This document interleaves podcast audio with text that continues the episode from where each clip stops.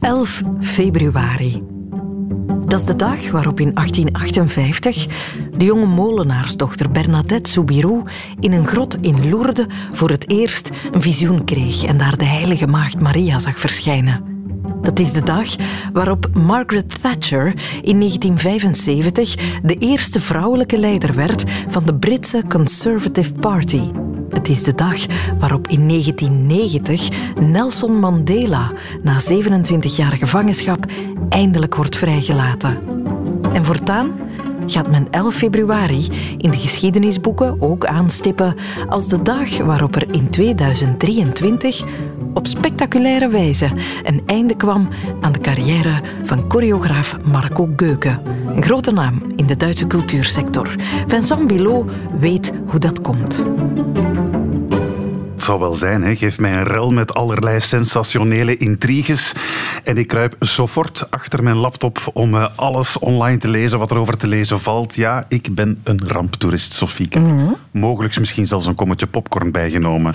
Want er is in die Duitse kunstensector ja, stront aan de knikker. Dat mag je letterlijk nemen, daar kom ik eh, zo nog toe. Maar goed, waar gaat het over? Die rel, die cultuurkamp, uh, zou je kunnen zeggen, die draait om de nieuwste dansvoorstelling van Marco Geuke. Een Duitse choreograaf van 50 die al ettelijke prijzen heeft gewonnen. Hij is directeur van het Staatsopen Hannover, zeg maar de opera van Hannover. Maar Marco Geuke werkt ook al jaren als vaste choreograaf bij het Nederlands Danstheater in Den Haag in Nederland. Mhm. Hij woont trouwens ook een groot deel van het jaar in Nederland samen met zijn onafscheidelijke hond, een zwarte tekkel genaamd Gustav. Geen onbelangrijk personage in dit verhaal trouwens. Die Gustav gaat straks nog een opmerkelijke bijdrage leveren aan dit verhaal. Maar bon, mhm. Marco Geuke dus is een halve Nederlander geworden. En het is dan ook geen toeval dat zijn nieuwste dansvoorstelling vorige week in première ging in Den Haag. In the Dutch Mountains heet die show. Een verwijzing trouwens naar het gelijknamige nummer van de Nederlandse band The Nits. Maar waar gaat die dansvoorstelling nu over? Dat wilde de Nederlandse televisie voor de première ook graag weten. It's the first time that I, I do a, a longer piece without any story. Marco Geuke wou dus eens een voorstelling maken zonder noemenswaardig verhaal. Hij is het namelijk beu dat het publiek altijd maar op zoek is naar betekenis in kunst. I hear so much from people that they want to understand something. And at the moment I'm in a period where I think, no, please. No, let's not understand anything. Mhm, ja, mensen willen kunst altijd maar begrijpen, maar ik dacht, laat ik eens iets maken dat gewoon niet te begrijpen valt. Dat klinkt al niet als de meest toegankelijke show uit de balletgeschiedenis. Maar kan Marco Geuke dan misschien vertellen waar hij zijn inspiratie heeft gehaald? Ah ja, zegt Geuke, door naar de Nederlandse zee te staren. And sometimes I sit there in the morning on the floor looking right on the sea and see how it becomes spring, how it becomes summer, how the autumn comes, how winter comes. It's actually a boring scene. Het is best wel een saai tafereel, die nieuwe balletshow. Het is niet bepaald een wervend promopraatje, hè, Sophie? Nog niet, nee, maar het kan, het kan altijd wel iets zijn op het moment zelf in de zaal. Ja, want wat blijkt na de première van die voorstelling in Den Haag? De Nederlandse pers is laaiend. De Volkskrant geeft vier sterren, Trouw deelt er zelfs vijf uit. Alleen de journaliste die helemaal uit Duitsland is gekomen voor een recensie in de Frankfurter, Frankfurter Allgemeine Zeitung, die is minder enthousiast. Wiepke Huster heet ze, de podiumrecensente van de Frankfurter Allgemeine en ze stipt in haar krantrecensie wel een paar lichtpuntjes aan, maar haar eindoordeel is toch behoorlijk vernietigend. Wiepke Huster noemt de voorstellingen onsamenhangend en, schrijft ze... Man wird beim Zuschauen abwechselnd irre und von Langeweile umgebracht. Het ene moment word je als toeschouwer tot krankzinnigheid gedreven, het andere ga je gewoon dood van verveling. Oei, oei. En dat is niet het enige dodelijke zinnetje in haar bespreking. Das Problem is die syntaktische Sinnlosigkeit der abstrakten Choreografie. Het probleem is de complete zinloosheid van de abstracte choreografie. Amai. En nog is het vitriol niet op. Das Stück ist wie ein Radio, das den Sender nicht richtig eingestellt kriegt. Es ist eine Blamage und eine Frechheit. Het is als een radio waarop je de juiste zender niet kunt vinden. De voorstelling is een regelrechte blamage, een aanfluiting van wat dans hoort te zijn. Amai. Wiepke Huster is genadeloos Ja. voor de voortoning van eh, Marco Keuken. En haar vernietigende recensie in de Frankfurter Allgemeine heeft ook een voelbare impact op de ticketverkoop. Want die valt nagenoeg stil en er zijn zelfs mensen die hun ticket of abonnement willen terugbetaald krijgen. Want ja, wie wil er nu gaan kijken naar een spektakel dat saai, onsamenhangend en zelfs een blamage voor de danskunst wordt genoemd? Marco Geuken, dat kun je wel begrijpen, die is woest. Ja, of toch geraakt. Ja, het is niet de eerste keer dat die Wiepke kritisch over hem schrijft, dus hij voelt zich geviseerd en vooral gekwetst tot het diepst van zijn ziel. Wat denkt die Wiepke Huster wel dat ze met een paar pennentrekken een voorstelling kan afkraken waar hij bloed, zweet en tranen voor heeft geplengd?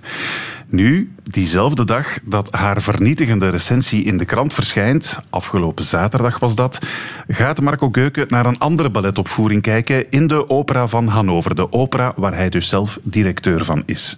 Wie schetst zijn verbazing als hij ziet wie daar in zijn operagebouw ook in de zaal zit? Wiepke. Precies, Wipke Huster, de helleveeg die net zijn nieuwste voorstelling heeft afgekraakt. Marco Geuken die ziet zijn kans schoon om maar eens goed zijn gedachten te zeggen hè, en wraak te nemen. Er zijn helaas geen beelden van, maar ik dacht, reenactments zijn weer helemaal in sinds het verhaal van Vlaanderen. Dus ik heb wat eh, zich daar heeft afgespeeld in die zaal toch even voor je gereconstrueerd. Want wat doet Marco Geuken? Tijdens de pauze zoekt hij Wiepke Huster op in de foyer. Hij stapt driftig op haar toe en begint haar gewoon de huid vol te schelden. Ah, da sind Sie ja, Frau Hüster. Herr Göcke, Und Sie trauen sich noch hier aufzutauchen, nach Ihrer schockierenden Theaterkritik. Ich will Sie hier nicht mehr sehen. Hauen Sie ab, raus mit Ihrer Hey. gemeinen Schreibe. Ich lasse Sie lebenslang aus unserem Haus verbannen.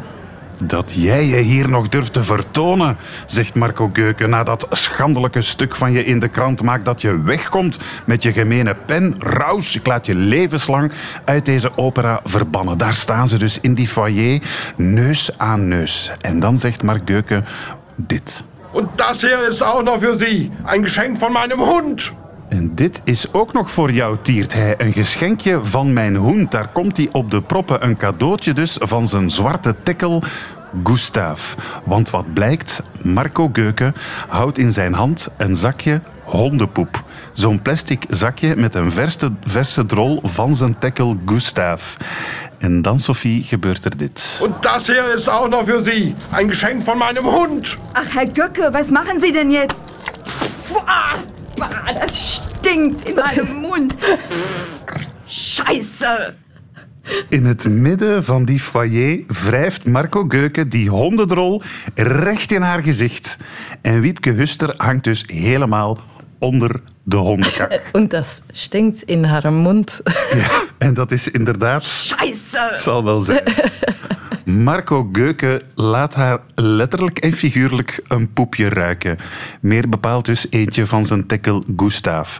Gewoon omdat ze een kritisch stukje had geschreven over zijn dansvoorstelling. Dat is onvoorstelbaar. Zoveel vragen Ja, over dit incident. In de Duitse pers ook, want het incident wordt de volgende dagen breed uitgesmeerd in de kranten, net zoals die hondendrol dus eh, in het gezicht van Wiepke Huster. Het incident wordt in de Duitse pers trouwens eh, die Hundekot-attacke genoemd, de hondenpoepaanval. Ja.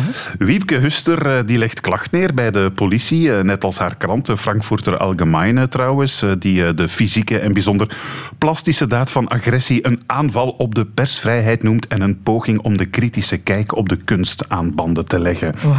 Marco Geuken die wordt door de Opera van Hannover onmiddellijk geschorst en op non-actief gezet. Dat kun je je wel inbeelden. Zelfs de Duitse minister van Cultuur belegt een persconferentie om dat incident scherp te veroordelen. En Marco Geuken, ja, die kan niet anders natuurlijk dan publiekelijk door het stof te kruipen, zijn spijt te betuigen en aan Wiepke Husting zijn diepste excuses aan En een te bieden. servetje ja, aan te Ja, bieden. want zijn, zijn, ja, zijn daad was natuurlijk van de hond. Al kan die Marco Geuken in zijn excuuswoord voor de camera's toch nog altijd niet goed zijn frustratie wegsteken. Ich denke, dass die, die, die, die Wahl der Mittel sicherlich nicht super waren. Absolut. Mein, mein alter Dackel hatte in seine Tasche gemacht. Und das war absolut aus dem Affekt. das Symbol ist, dass sie mich auch jahrelang mit Scheiße beworfen hat. Het middel is misschien niet goed te praten, maar ja, mijn dekkel had net een drol gelegd in zijn dacht, ik tasje pak, gemacht. Ik Ja. pak die mee naar de theaterzaal. Het was een ingeving van het moment, zegt hij, en Zeker. geeft toe, het is toch lekker symbolisch aangezien zij mij ook jarenlang met kak heeft besmeurd. Maar enfin. Het getuigt niet van al te veel schuldbesef. Wiepke Husting die heeft intussen ook gereageerd. Zij voelde zich uiteraard gedegoûteerd, maar ze is niet van plan om zich te laten intimideren. Ich bin am nächsten Morgen aufgewacht und habe gedacht, das war schrecklich. Aber ich habe mir dann gesagt, du bist davon gekommen. Du bist zur Polizei gegangen und hast diese Straftat zur Anzeige gebracht. Aber es war ein singuläres Ereignis und es wird meine Liebe zu meinem Beruf nicht schmälern. Ik ben de volgende ochtend wakker geworden, zegt ze, en ik heb tegen mezelf gezegd, oké, dit was verschrikkelijk, maar ik heb aangifte gedaan bij de politie. Dit was een eenmalig voorval. Ik ga dit incident mijn beroepsvreugde niet laten vergallen. Laat ons hopen dat dit een eenmalig voorval is. Ja. Kortom, shit happens. Maar die Marco Geuken had dus ja, zodanig scheid aan haar recensie dat hij haar op zijn beurt heeft ondergescheten met de hulp dus van Gustav. Het zal voor hem wellicht dan wel een opluchting zijn geweest of een ontlasting. Maar hij heeft er toch wel heel veel kak aan gehangen. Scheiße! Wat je zegt, Wiepke. Wat je zegt. Een recensie, kritiek op jouw harde labeur, dat kan verdekken hard aankomen. Zelfs al is het in de vorm van zachte stoelgang. De moeite om het er eens over te hebben. Welkom in de wereld van Sophie. De dolle fratsen van Marco Geuken die hebben wel wat losgemaakt. Zeker bij recensenten. Die zullen bij een volgende theaterbezoek misschien wel een paar keer om zich heen kijken. Of zij niet het volgende doelwit zijn. Want ze voelen wel dat mensen al maar vaker aanstoot nemen aan hun schrijfsels. Charlotte de Somville bijvoorbeeld. Zij is theaterrecensent voor De Standaard. Zo'n vijf keer per week vind je haar in een theaterzaal om vervolgens dat wat ze gezien heeft in een kritisch stuk te beoordelen. Kak heeft ze daarvoor nog niet in haar gezicht gekregen. Maar misnoegde reacties zeker wel. En haar collega's kennen de toren van de kunstenaar al even goed. Hoe kijkt zij naar deze gebeurtenis en hoe zijn de banden tussen recensenten en kunstenaars in ons land? Anke van Meer ging het haar vragen. We krijgen wel eens te horen dat we elitair zijn, dat we niet genoeg voeling hebben met wat het gewone publiek in de zaal voelt, dat we te rationeel kijken, dat we niet genoeg vanuit de bui kijken naar de ervaring, dat we het publiek tegenhouden om niet naar de voorstelling te gaan kijken. Dat is de meest pijnlijke kritiek eigenlijk, want je moet het doen vanuit een ongelooflijke liefde voor kunst, ook al wordt dat paradoxaal genoeg niet altijd zo gelezen. Hè. We worden dan gezien als de mensen die, eh, als de, de vieze reaguurders of als de, de bashcultuur of zo. Soms zijt je een beste vriend en dan de volgende dag als je iets slecht hebt geschreven, dan eh, hoef je niet meer naar de zaal te komen, zoiets.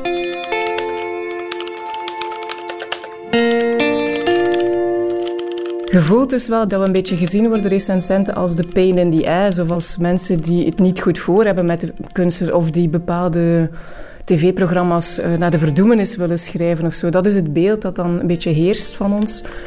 Ook bij het publiek soms, merk ik. Want eh, af en toe check ik zo wel eens de sociale mediabagger.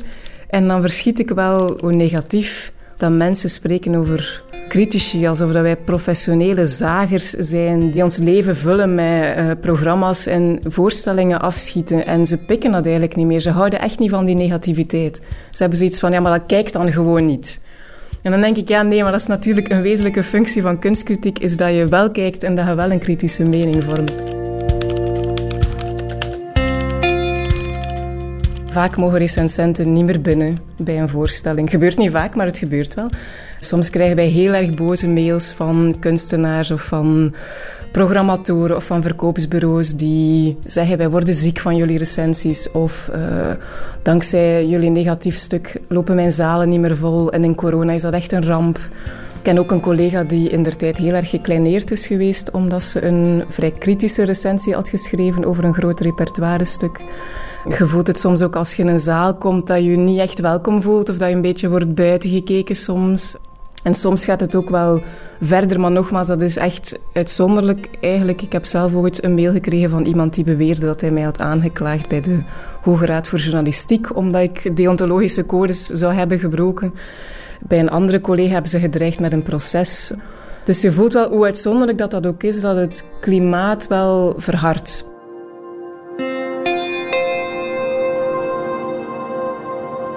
Ik begrijp het ook echt wel dat recensies gevoelig liggen.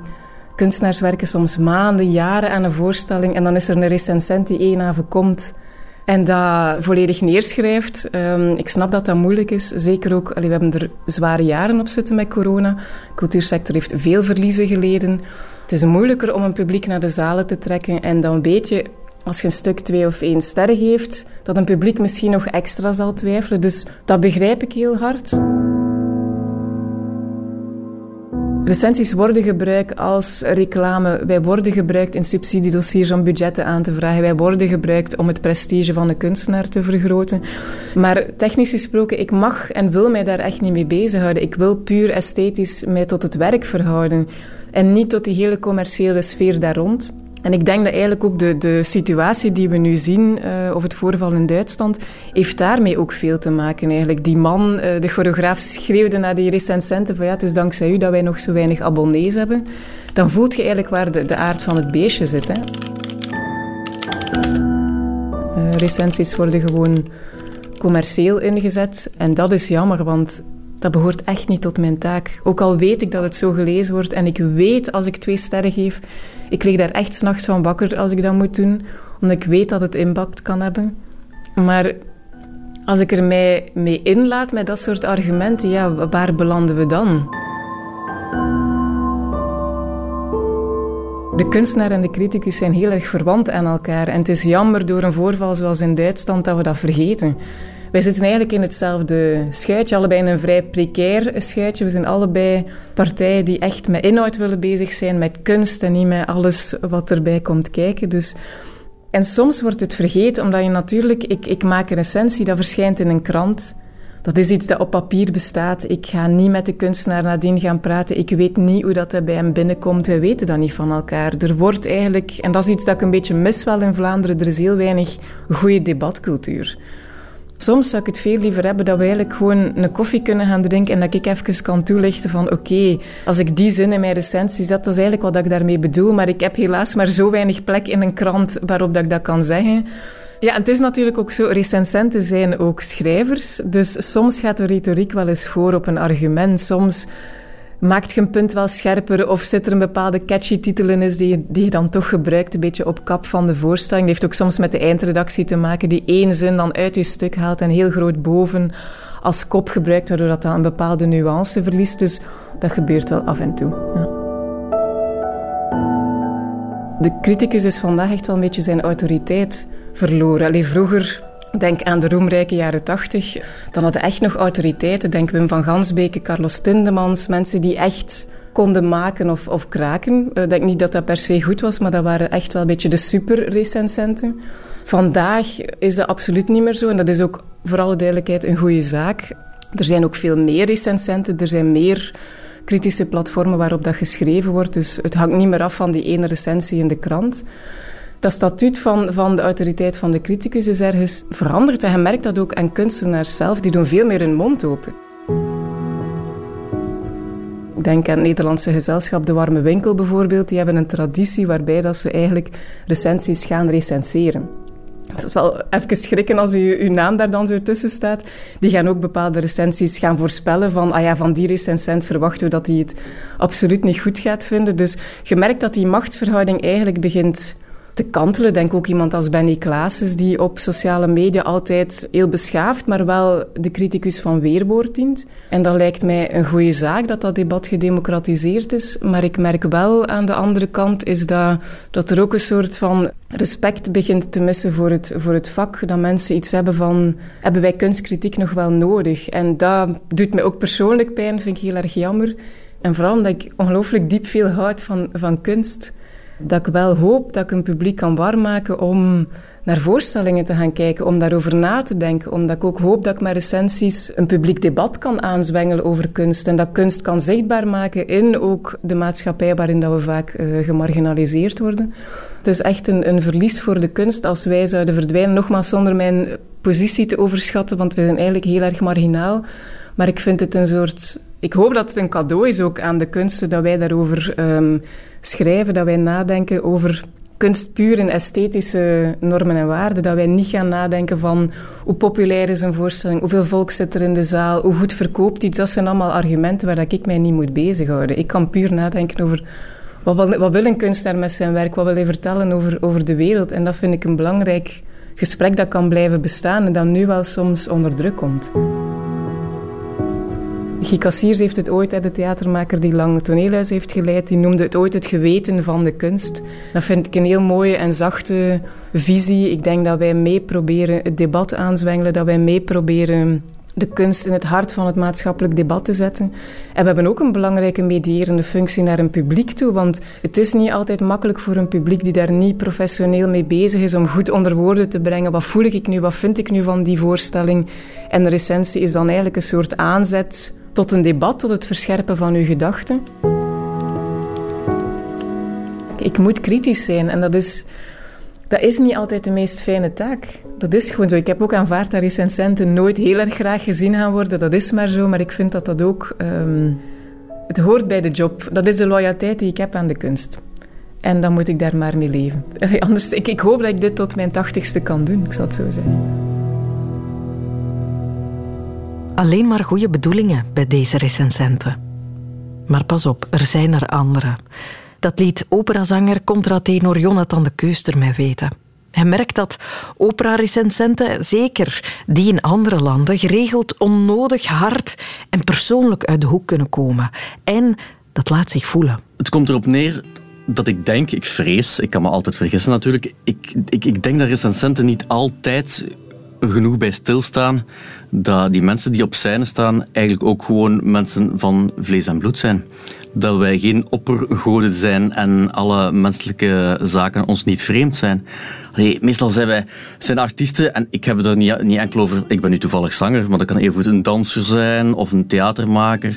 Doet het niet toe. Dat zijn mensen die meestal een, volledige leven hebben gewijd aan, aan hun kunst. En uh, ja, uit mijn ervaring dan merk ik dat, dat niet persoonlijk, maar over andere mensen ook. Ja, zangers worden soms regelrecht geschoffeerd of, of gekleineerd of belachelijk gemaakt in de recensie. Zoals een, een productie een tiental jaar geleden in de Opera van Genève. En uh, op dat moment speelde er ook een, een andere productie. En toen las ik inderdaad over een collega bariton dat zijn hond mooier blafte dan die man die avond had gezongen. Oh, dat komt wel binnen, absoluut. neem ik aan, als die persoon dat leest. Absoluut, absoluut. En, en daar is, ligt denk ik het, het, het probleem. Dus uh, dat kan veel gevolgen hebben, denk ik, voor, voor, een, voor een zanger of een, een, een muzikus aan zich. Ten eerste op carrièrevlak, denk ik dan. Artikels worden opgepikt door mogelijke werkgevers, door mensen die geïnteresseerd zijn om jou misschien uit te nodigen voor een, uh, een concert of een voorstelling. Die kunnen daardoor afgeschrikt worden. Zeker ook de dag van vandaag.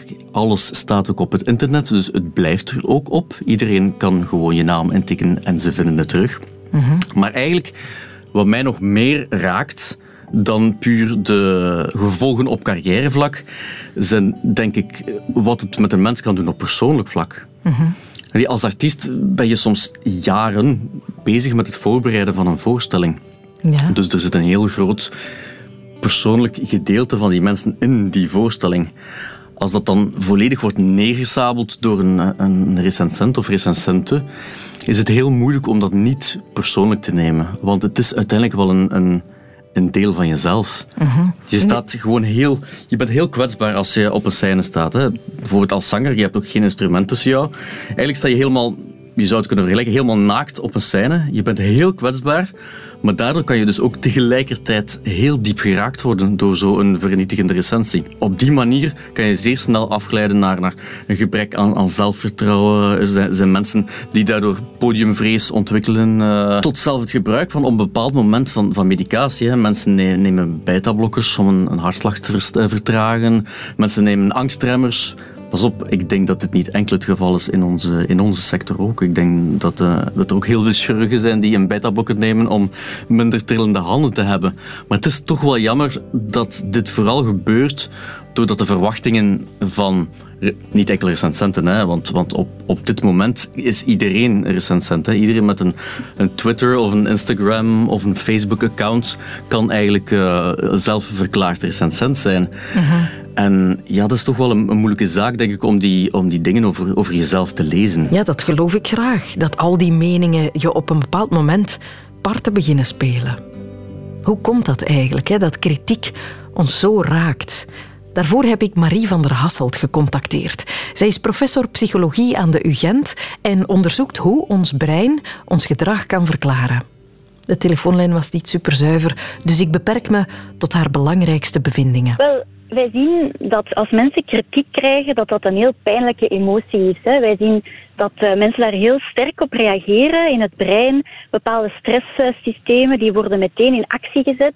We noemen het ook, kritiek is eigenlijk een pijnlijke emotie. Het, het, zijn dezelfde uh, hersengebieden die worden uh, geactiveerd als, als mensen pijn hebben. Het is echt een sociale pijn. En dat kan ons soms tot bepaalde dingen drijven die we van onszelf ja, niet verwacht hadden. En zeker als we kritiek krijgen van iets dat belangrijk is voor ons. Um, of van mensen die belangrijk zijn. En bijvoorbeeld iets waar we heel lang voor gewerkt hebben, we krijgen daar dan een negatieve recensie van. Ja, dan, uh, dan kunnen er wel echt rare en vreemde gedragingen tot uiting komen. Dus als ik in de krant lees dat mijn werk op niks trekt, wat gebeurt er dan in mijn hersenen?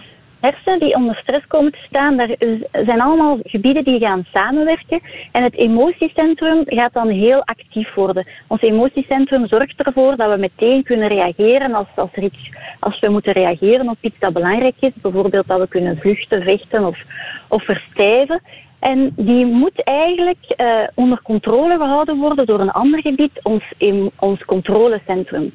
Nu, het probleem is, is dat ons controlecentrum vaak uh, een beetje de pedalen verliest als het emotiecentrum hard begint te vuren. Dat is een beetje het nadeel van ons brein, is dat wij ja, het geluk hebben dat we heel snel kunnen reageren als het nodig is, maar dat wij um, gelukkig dat emotiecentrum hebben, omdat ja, een beetje op een gecontroleerde manier te doen. Maar als het als onder langdurige stress dan is eigenlijk dat emotiecentrum veel sterker, gaat dat veel meer gaan communiceren naar, het, uh, naar, uh, naar de rest van de delen van ons brein, waardoor dat wij niet meer die heldere denkfuncties kunnen gebruiken en ja, soms echt vreemde dingen kunnen gaan doen. Hè. Soms dat je van jezelf denkt van, oh, hoe komt dat nu dat ik die dingen gezegd heb?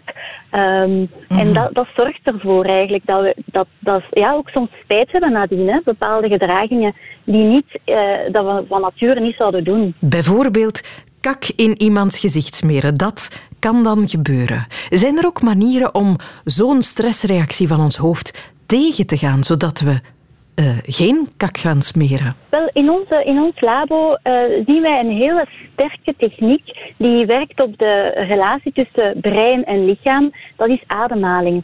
En wij zien als mensen onder stress staan, hè, geeft dat een signaal naar ons lichaam om meer energie vrij te maken. En onze hartslag gaat sneller kloppen, we gaan sneller ademen enzovoort.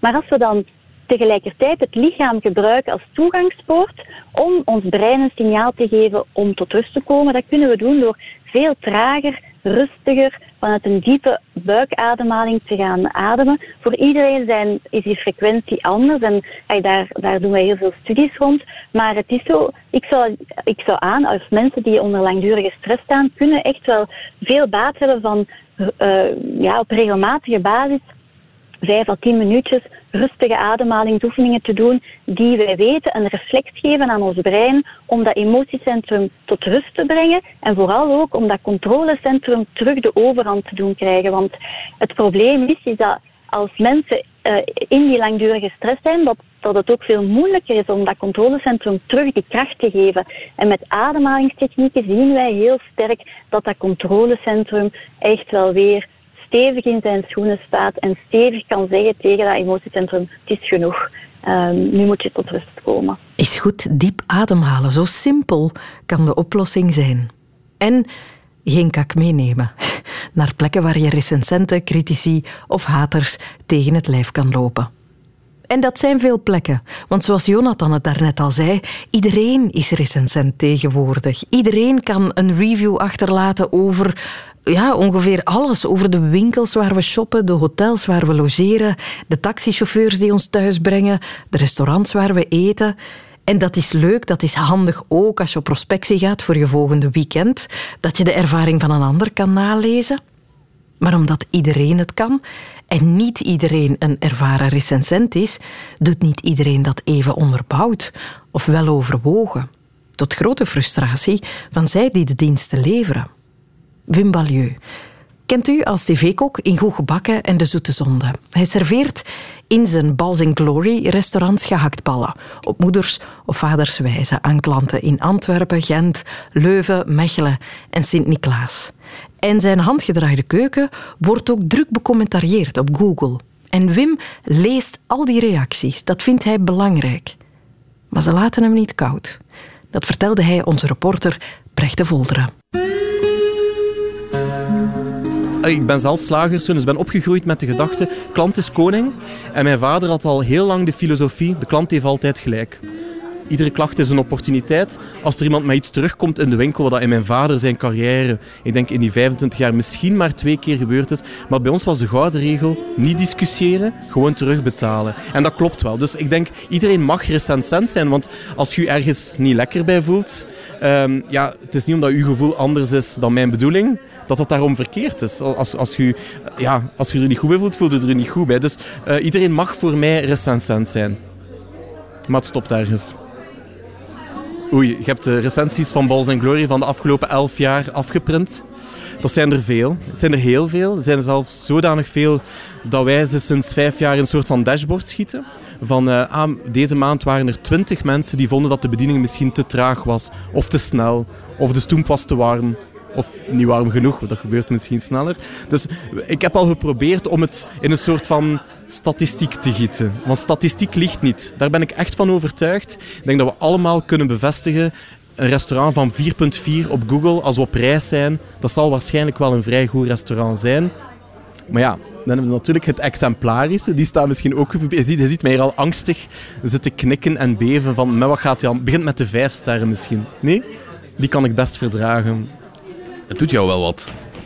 Het, het, het doet mij heel veel. Het kan, uh, het kan mijn dag maken of kraken. Um, ik wil mensen pleasen en, en het, het, het doet mij heel veel, die recensies. Um, ik ben er eigenlijk ook iedere dag mee bezig. Uh, en ik zeg iedere dag, ik wil het loslaten. En tegelijkertijd heb ik een soort van angst als stielman, waarin ik denk van, de dag dat mij niet meer kan schelen, dan moet ik stoppen. Toch? Maar iedere dag? Iedere dag? Ja, ik vrees van wel. Ik, ik, eh, we hebben een maandelijkse statistiek. Dus ik krijg letterlijk iedere uh, eerste maandag van de maand een print op mijn bureau met de statistiek van de recensies over alle vestigingen heen. Maar de Google-account zit ook op mijn uh, gsm. En het zou niet de eerste zondagavond zijn die om zeep is, omdat ik met mijn lief zit te eten, even op mijn Google speur en zie binnenkomen drie sterren in Mechelen, uh, het was te koud, het was te warm. We hebben een half uur moeten wachten. En dan is mijn avond om zeep. Dan, ben, dan begin ik te whatsappen naar het restaurant. Jongens, wat is er gebeurd? Of, uh, of ik kijk eerst een keer op de uurrooster. Wie is er aan het werken misschien vanavond? Hoe komt het? Uh, was het super druk? Is er iets fout gelopen? Ehm, ook iets gangbaar. Een keer kijken naar de recensent. Wat waren de laatste recensies van degene die mij drie sterren gegeven heeft? Geeft hij misschien overal vijf sterren en bij ons maar drie? Of geeft hij er overal eentje en bij ons drie? Dat is dan al een deelke van mijn gemoedsrust. Maar kijk, zo zijn we alweer vijf, zes minuten verder in een diner met mijn lief, waarin dat ik recensies zit, uh, zit af te speuren. Dus ja, als uw vraag is, doet het iets met Wim, die recensies? Ja, om, beheerst zelf een beetje mijn leven. Het zou misschien overdreven zijn, maar het heeft in ieder geval een, belangrijke invloed op mijn leven. Het is een soort van drugs, want het is ook een adrenaline. Hè? Het is uh, de, de 10, 5 sterren na elkaar zien binnenkomen, doet ook iets. Maar dan komt altijd die onverbiddelijke twee sterren, één ster. Uh, bij ons bij Balls Glory wordt ook iedere recensie op ieder platform, en er zijn er wel wat, beantwoord. Uh, ja, we hebben begrip voor uw situatie. Jammer dat u zich zo voelde. En dan, ehm, dan ga ik niet liegen. Dan, hebben we een, een ehm, dan, dan nemen we contact op met die klant. Eigenlijk maar met één doel. Of ons overtuigen dat uh, dat toch terecht was wat hij zei. Of om zichzelf de recensie te laten verwijderen. Goeie truc voor iedere restaurantuitbater die nu luistert. In 50% van de gevallen lukt dat bij ons. Als we een, uh, een slechte recensent contacteren, er even een babbel over hebben, een aantal dingen weerleggen misschien. Hè, want ja, bij ons, je zult dat wel op je lijstje staan hebben. Oh, is toch veel geld voor een gekapbal. Als we dan kunnen uitleggen van ja, maar ja jongens, ja, we kweken zelf onze varkens. Er zit geen chapelure in ons gehakt. We steken die vulling erin, dat is in de oven gebakken. Dan hebben de, de meeste mensen al zoiets van ah ja, godverdikke, ja, zo had ik het niet bekeken. Ja, dan is misschien die twee sterren een beetje onterecht of ben een beetje te impulsief geweest. Of ik had misschien juist een glazen wijn gedronken als ik die recensie uh, plaatste. Dus, dus we nemen daar wel contact op uh, met die klanten ook. En uh, ja, soms ook gewoon incasseren en slikken. En het op de hoop van de statistiek gooien. En zorgen dat het aan dat minimum van 4,3 blijft hangen. Ja. Als restaurant. Vroeger moesten mystery shoppers en zo betalen, moesten marktonderzoek doen. Nu, ja, je kunt direct eigenlijk zien op basis van je recensies of dat je goed of niet goed bezig bent. Dus ik vind het ook interessant. Het is een soort van zegening. Soms. Niet altijd. Soms ook helemaal niet. Geen vet, dat begint al goed. De stoem maak ik beter en de meatball is niks speciaal. Hoe moet ik dat echt voorlezen? De bruine saus veel te zoet. Als je dan ziet wat je krijgt, is het wel best duur overrated en niet voor herhaling vatbaar. En wat reageer jij dan? Hey Walt, we zoeken nog een kok. Meld je gerust aan in het restaurant. Um, dat is wel grappig. Ja, maar bon, geen vette, dat is wel al goed. Er zit inderdaad maar 25% vetgehalte in onze gehaktballen. Zo kunnen alles omdraaien natuurlijk. Maar goed, ja, kijk. Uh, ja, kijk, Walt, als je luistert, ik wil me echt excuseren. Het gaat over Leuven. Ja, vier maanden geleden. En dan, ik stond vier maanden geleden zelf in Leuven, dus ik was daar waarschijnlijk zelf.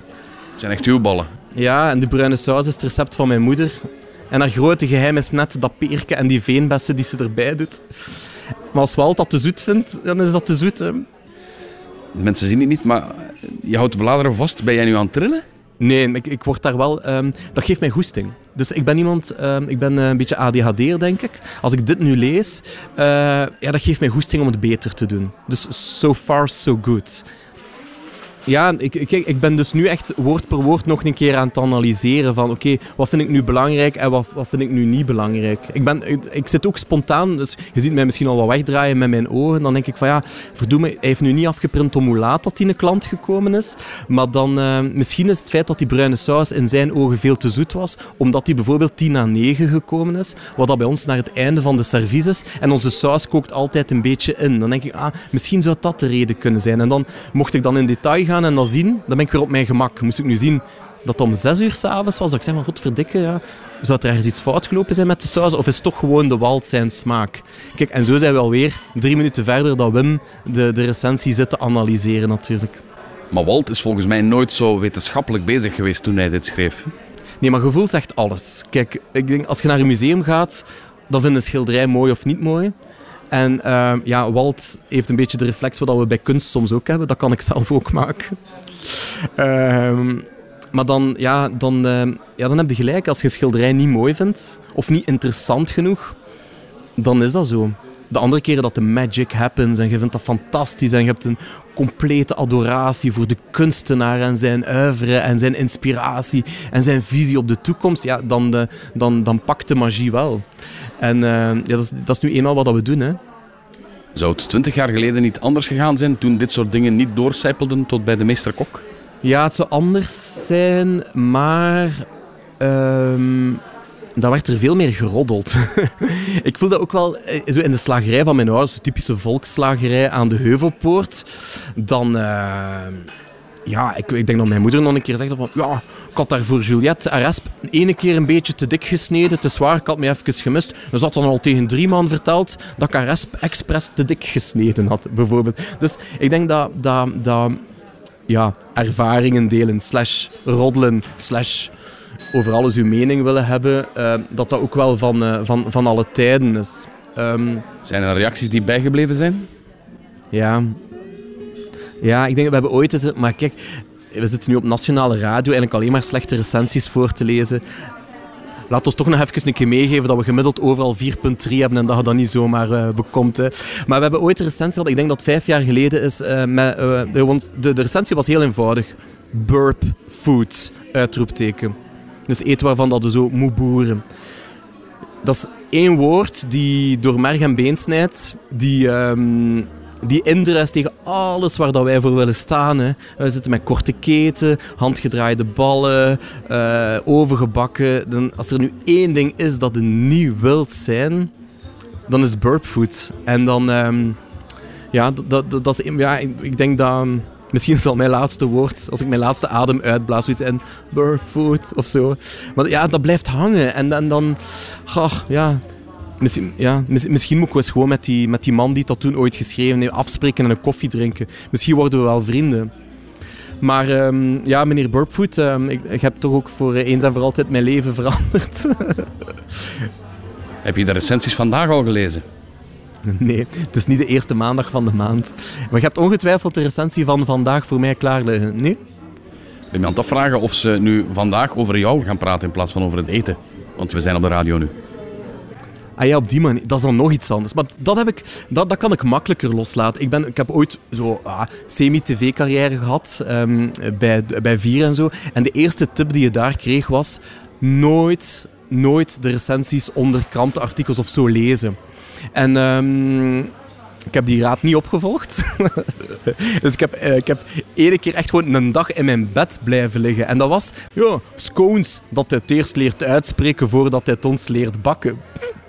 Daar heb ik ook een dag van afgezien. Maar de, laat ons zeggen dat de recensies op mijn persoon dat die mij veel minder deren uh, dan diegene van het restaurant. Omdat ik van het restaurant, van, dat is ook echt een teamwork waar ik mij verantwoordelijk voor voel. Ik denk, ja, als iemand mijn kop te dik of te dun of mijn er te rollend of niet rollend genoeg vindt, dan kan ik al net iets makkelijker loslaten. Zeg ik op een voorzichtige toon, want ik zou bijvoorbeeld niet graag Niels de Stadsbader zijn uh, uh, zo de afgelopen maanden of zo. Dus ook daar moeten we wel opletten met onze reacties. Het zijn niet altijd recensies, maar het zit dan vaak in comments dat we toch altijd uh, ja, met en voor en door mensen bezig zijn. Ik heb maar één soort kritiek op dit gesprek en dat is dat achtergrondmuziek te, te luid doorklinkt. Ik denk dat dat aan de luisteraar is om te oordelen of dat hij of zij dat ook vindt. Want jij kunt dan nu als radiomaker denken, mijn akoestiek is niet goed, maar misschien, misschien denkt die luisteraar, zo tof, ik voelde mij een klein beetje op restaurant. En dat is net de magic van recensies. Het is niet omdat je 100% je best doet dat je 5 sterren krijgt. Of omgekeerd. Dus laat het los. Laat het los. Zegt degene die niet kan loslaten.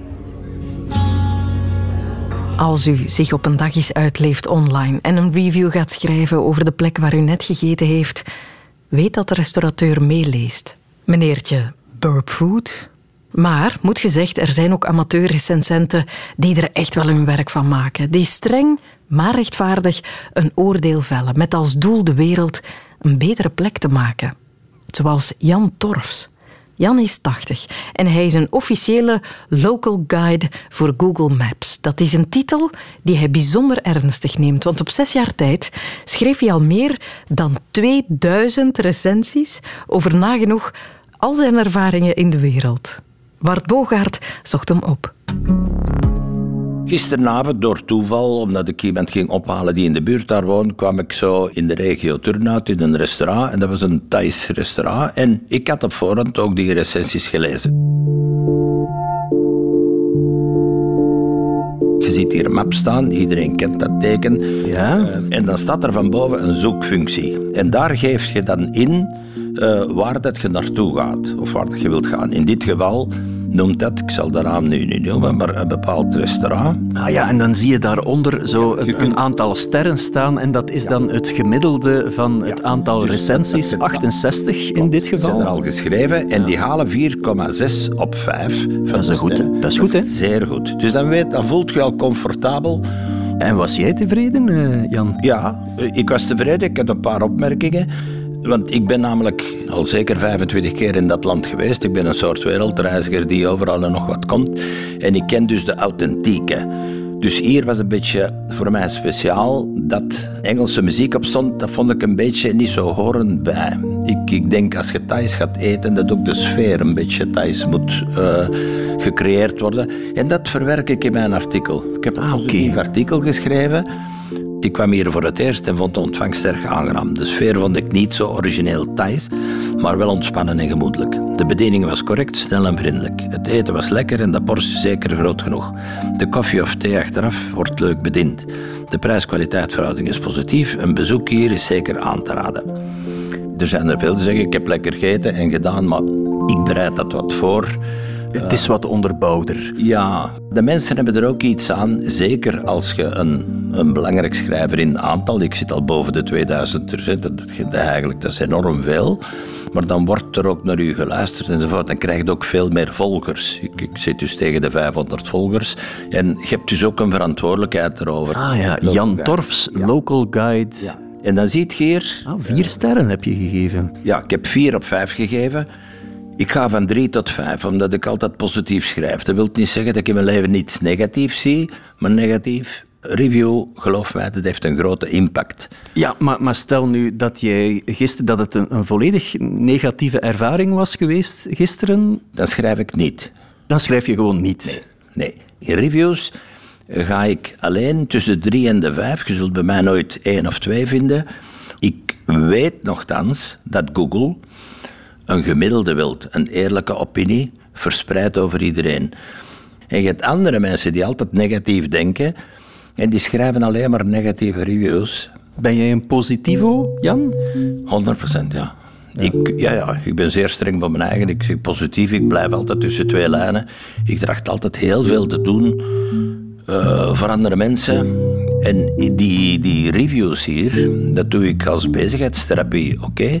Maar ik doe dat ook als ik bepaalde goede dingen zie en mensen bewonderen met wat ze ontworpen hebben. Daarom ga ik ook graag naar de eerste openingsdagen om die mensen te steunen. Die, die, die zijn daar blij mee, die voelen de steun van Google Maps. En dat is een win-win situatie.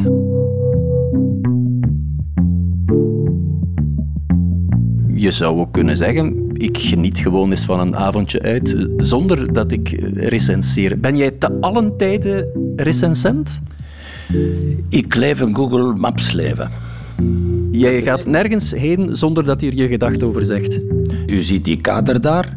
Ja? Die hangt nu nog niet op, omdat ik hier nog maar pas woon. Maar die komt aan mijn voordeur te hangen. Als ik buiten ga s morgens, die rappeleert mij van te zeggen... Jij zet de Google Local Guide. En dan weet ik dat ik in principe elke dag één review schrijf.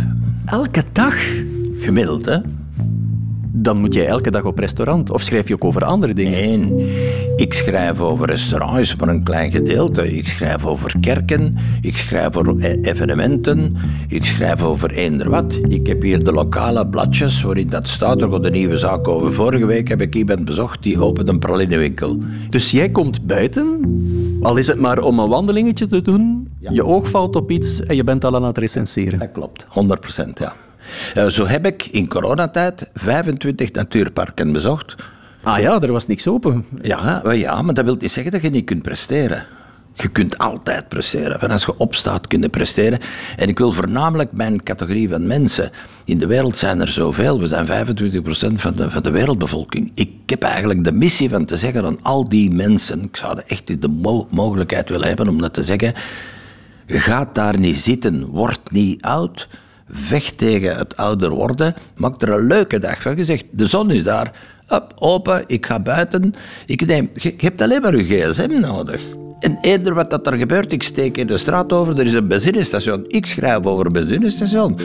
Die hebben van binnen producten, die hebben vriendelijke bediening of niet. Die hebben een koffieshop, is dat daar leuk? Wat verkopen die? Heel de dag door komt de inspiratie binnen. En ik ga s'avonds als een tevreden man naar huis. Weet u wat er nu vandaag nog gerecenseerd moet worden? Of heeft u er geen flauw idee van? Wat uw pad kruist, misschien? Uh, ik weet dat nooit niet. Ik weet dat als ik uh, naar Budapest ga, bijvoorbeeld, morgen. Ah, morgen bent u weer weg, ja. Ja, ja morgen ben ik in Budapest, maar even over een weer, want ik ben zondag terug. Maar dan, de vorige keer van de reis maak ik er toch zo een stuk of tien. Omdat ik zeg aan mijn zoon, laat ons telkens in een ander restaurant gaan. Het zijn de leuke plaatsjes hier. Ik mijn, mijn schoondochter is een Hongaarse. En dan ga ik in een bakkerij. En dan ga ik daar een cappuccino drinken. En dan ga ik daar. En ik spreek met die mensen. En die vinden dat prachtig. Veel kennen eigenlijk dat nog niet. Die weten niet wat Google... Maar ik zeg, ik laat dat zien. Ik laat zo'n aantal artikelen zien. Ik zeg, hé, hey, dat is. Ik vind dat lekker. Ik vind dat... En, en je creëert zo'n een, een, een aangenaam leven eigenlijk voor iedereen. Daarmee zeg ik altijd Google Maps, dat is win-win. Gaat u met het vliegtuig? Ja. Dat is wel veel verloren tijd, natuurlijk. Nee, want in het vliegtuig schrijf ik ook over de maatschappij. En ik, eh, in Zaventem schrijf ik over uh, eender wat ik tegenkom. Dat kan een pralinewinkel zijn, dat kan het uh, vers geperst fruit de laatste keer en zo. Ik verveel mij nooit. En dat is mijn boodschap aan de ouderen. Als je op pensioen... Ik zal nooit op pensioen gaan, hè. Nee. Ik ben 80 jaar, maar ik, zal, ik heb ruzie gehad met de pensioen. Dus zeg, jij dat ik het stijfkop ga, moet op pensioen. Ik zeg, ik moet niet op pensioen gaan. Is er een wet die mij verplicht op pensioen te gaan? Nee. Recensent tot in de kist. Absoluut. Maar dan gaat u wel uw begrafenisondernemer niet meer kunnen recenseren. Ja, ik zal dat op voorhand doen. Jan Torfs, local guide voor Google Maps, recenseert alles. Heeft zelfs ons werk over hem, deze reportage die u net hoorde, ook al beoordeeld intussen, zie ik. Ik wil nu niet stoeven, maar uh, vijf sterren, hè, boys. Eén zinnetje. De luisteraars zijn echt verwend als ik zie hoe snel, accuraat en efficiënt deze mensen werken. Proficiat en hartelijk dank in naam van talloze luisteraars. Ah, recensies. Dat is eigenlijk iets schoons, hè?